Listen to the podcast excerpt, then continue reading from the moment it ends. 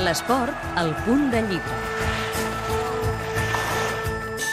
Ignasi Gaia presenta Domingo Català, de 0 a 100, un llibre en què es narra la biografia del famós atleta a través de les anècdotes i l'experiència del mateix català i que el periodista de TV3, Ignasi Gaia, s'ha encarregat de plasmar en el llibre. Vaig tenir la sort que en Domingo em va posar les coses molt fàcils i, a més, és una font vastíssima d'anècdotes. Evidentment, no l'hem de descobrir, eh, va ser un gran atleta. Però és que de grans atletes n'hi ha hagut molts. El que passa és que ell va tenir sempre la particularitat d'estar en el lloc adequat en el moment adequat.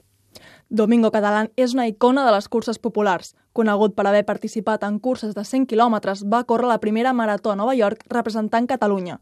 També va aconseguir el millor temps en la Marató de Barcelona i pocs anys després es va proclamar campió del món de 100 quilòmetres. És un llibre que tant pot interessar a la gent que ja coneix la figura d'en Domingo Catalán com a altres persones que, diguéssim, siguen alienes a, a aquest món. En Domingo és una mena d'icona de l'atletisme popular i a través d'ell també veiem com evoluciona eh, el món de les maratons i de les curses de gran fons. Van començar a viure una gran eclosió en forma de curses populars arreu de Catalunya, de l'estat espanyol espanyol i també arreu del món. Domingo Catalán està considerat un dels pioners del boom de les curses populars actuals. El running s'ha convertit en el gran esport popular. Córrer està de moda. Hi ha un boom extraordinari eh, de curses cada setmana. És brutal, la proliferació de cursos populars. Només un exemple, aquest any o l'any passat diria que la marató s'hi van apuntar unes 18.000 o 19.000 persones. L'evolució és que és, ha estat brutal, bestial. Clar, si ens remuntem als inicis, a quan en Domingo començava a fer maratons, clar, en aquell moment parlàvem de 4 grats. Domingo Catalán, de 0 a 100, mostra la faceta més personal i íntima de l'atleta que va revolucionar el món de les curses populars.